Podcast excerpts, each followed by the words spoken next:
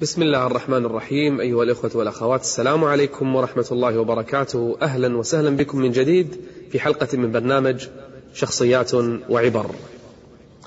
شخصيتنا في هذه الحلقة شخصية تعذبت في سبيل الله وأوذيت في الله جل وعلا لكنها صبرت. من هو؟ إنه الصحابي الجليل خباب ابن الأرت. خباب ابن الأرت كان من عائلة كريمة كان من قبيلة شريفة بل يقال أنه من بني تميم. هذه القبيلة العريقة من العرب غارت عليها بعض القبائل فأسرت منهم من أسرت وكان منهم خباب.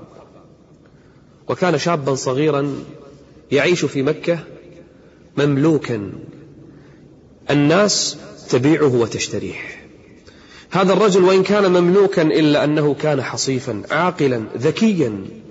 أول ما رأى النبي صلى الله عليه وآله وسلم يدعو إلى الإسلام مباشرة قال يا رسول الله أعطني يدك أبايعك. بايع النبي فعلم به كفار قريش وعلم به أسياده أنه صبأ كما يقولون يعني دخل في الإسلام أنه بدل وغير دينه. فإذا بهم يضربونه ويجوعونه ويؤذونه فما تراجع قيد أمنا أبدا. فازدادوا بالتعذيب. تجويع ما نفع. فبدأوا يجلدونه جلدا. لكن التعذيب أيضا ما نفع. تعرفون ماذا صنعوا معه؟ هذا الشاب. هذا البطل. هذا المؤمن الموحد. وضعوا له جمرا أحمرا. جمر أحمر. أرجوك تخيل شنو الجمر الأحمر؟ تخيلت؟ شفت الفحمة. ربما انطفأت. تسقط على يد أحدنا. ماذا تصنع فيه؟ هذا الجمر أحمر. قالوا له سوف نحرقك به. قال اصنعوا ما تصنعون. شوف أصحاب النبي وقوة إيمانهم. شوف السابقون الأولون من المهاجرين والأنصار. قال اصنعوا ما تصنعون. فنزعوا ثيابه. وجاءوا ووضعوا ظهره على الجمر أنزلوه على الجمر. وهو لا يلفظ إلا الشهادتين. وهو لا يقول إلا آمنت بالله وكفرت بآلهتكم. فأنزل على الجمر وإذا بلحمه يشوى. تخيل شلون اللحم يشوى. تخيل بالله عليك كيف يشوى الإنسان ظهره وهو حي. يشوى والدخان والرائحة وشحم ظهره ذاب. حتى أطفأ شحمه ذلك الجمر. أحسب الناس أحسب الناس أن يتركوا أن يتركوا أن يقولوا أن يقولوا آمنا وهم لا يفتنون. الله جل وعلا يقول أيحسب الناس إذا دخلوا في الإيمان؟ ما في فتنة لازم الفتنة. لازم الاختبار. لازم البلاء ينزل يبتلى المرء على قدر دينه. كان إيمانهم عظيم. علشان كذي؟ كان إيمانهم وكان ابتلاؤهم كبير. ضرب تجويع جلد حرق دروع الحديد. يجر في الرمضاء. كل شيء صنعوه مع من؟ مع خباب ابن الأرد.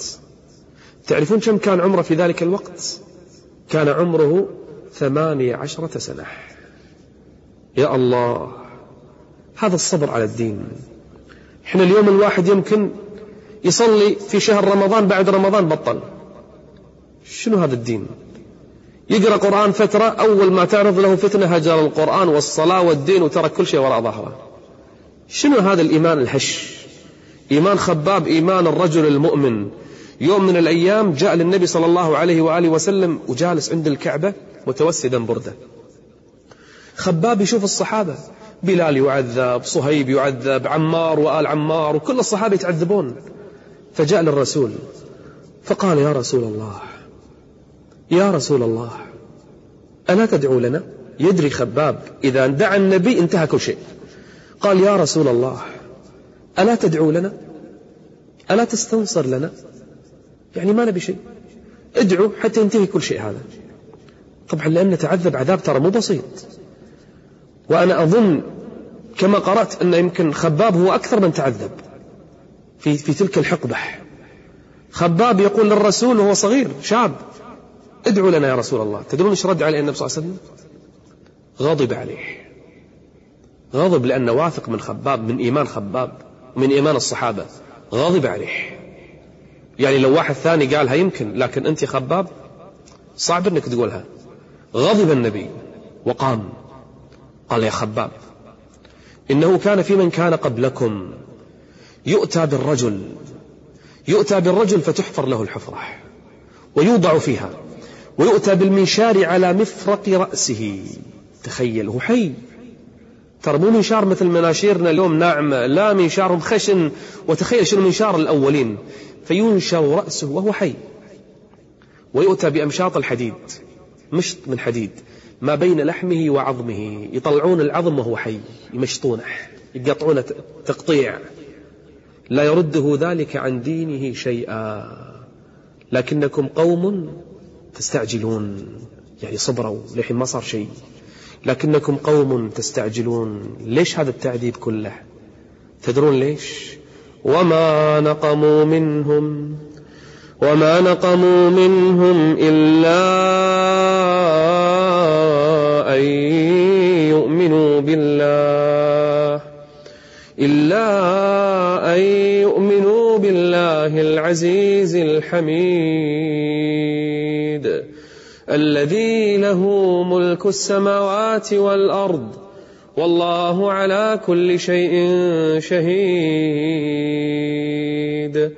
النبي صلى الله عليه وآله وسلم ترى تدرون ليش قال هذا الكلام حق خباب؟ مو علشان يخوفه. لا. بس بل عشان يصبره. ترى اللي صار فيكم ترى ولا شيء. اللي قبلكم بالمناشير يقطعونهم. اللي قبلكم بالحديد يورون العظم وهو حي. يفصلون اللحم عن العظم. ترى هذا اللي صار فيهم. ترى أنتم ما صار فيكم شيء. لكن تستعجلون. تستعجلون النصر. وصدق النبي. أي تربية إيمانية هذه؟ يربي النبي هذه الثلة المؤمنة الأولى. تدرون ليش؟ لأن هي اللي راح تقود بعدين. لأن هي اللي راح تتولى المؤمنين بعدين. هم قادة الجيوش. هم أمراء المؤمنين. هم فاتحي الدنيا وأمصارها. راح نفتح فارس. وهم أذلة وضعفاء ويذكرهم ترى فارس راح نفتحها. أعظم دولة والروم راح نفتحها أعظم دولتين. واليمن راح نفتحها. شنو يقول لهم؟ وهم ضعفاء لا يستطيع أحدهم أن يجهر بإيمانه. لكن يربيهم. لكنكم قوم تستعجلون. الأمر يريد صبرا. الأمر يريد هدوءا. حتى يوم من الأيام جلس معهم عليه الصلاة والسلام يذكرهم بقصة الغلام. تعرفون قصة الغلام؟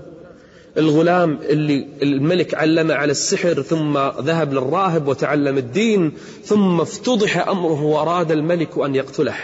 أرسله للجبل فنجاه الله ورجع. أرسله للبحر فنجاه الله ورجع. قال ما تقدر تقتلني؟ الرسول يقول حق الصحابة هذه القصة ليش؟ علشان يصبرهم علشان يثبتهم. الغلام قال حق الملك تبي تقتلني؟ قال أبي أقتلك. قال علمك. خذ سهم من كنانتي واجمع الناس وقل بسم الله اصلبني وقل بسم الله رب الغلام واقتلني. وفعلها الملك الغبي. فلما قتل الغلام آمن الناس جميعا. الله أكبر. لكنكم قوم تستعجلون. يعني يمكن إحنا نموت ويمكن تموتون لكن بعد موتنا ينتشر هذا الدين. لكنكم قوم تستعجلون. وينزل الله آيات الصبر. يا أيها الذين آمنوا اصبروا. اصبروا وصابروا. اصبروا وصابروا ورابطوا. واتقوا الله.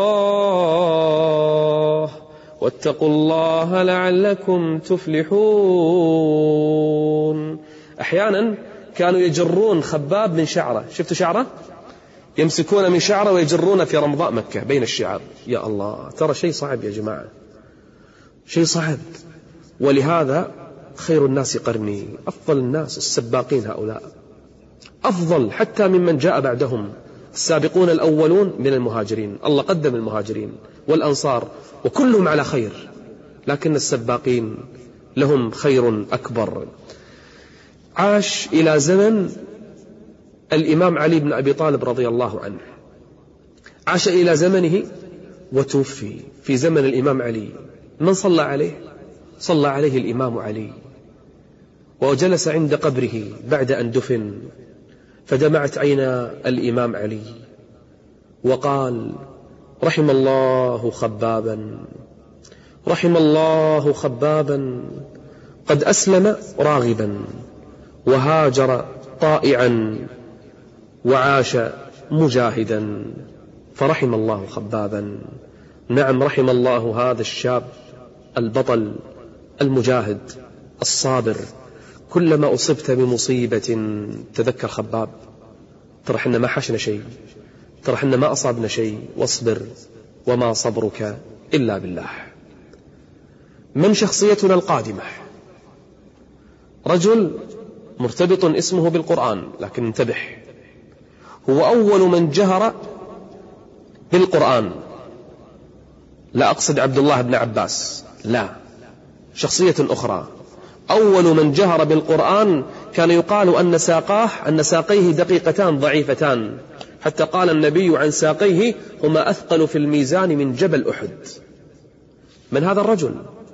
الذي قال النبي للصحابة خذ القرآن عدد بعض الصحابة أولهم من؟ هذه الشخصية. المعروفة بقراءتها لكتاب الله جل وعلا. من بطل هذه القصة؟ من صاحب هذه الشخصية؟ نحن على موعد معكم في الحلقة القادمة. استودعكم الله. والسلام عليكم ورحمة الله وبركاته.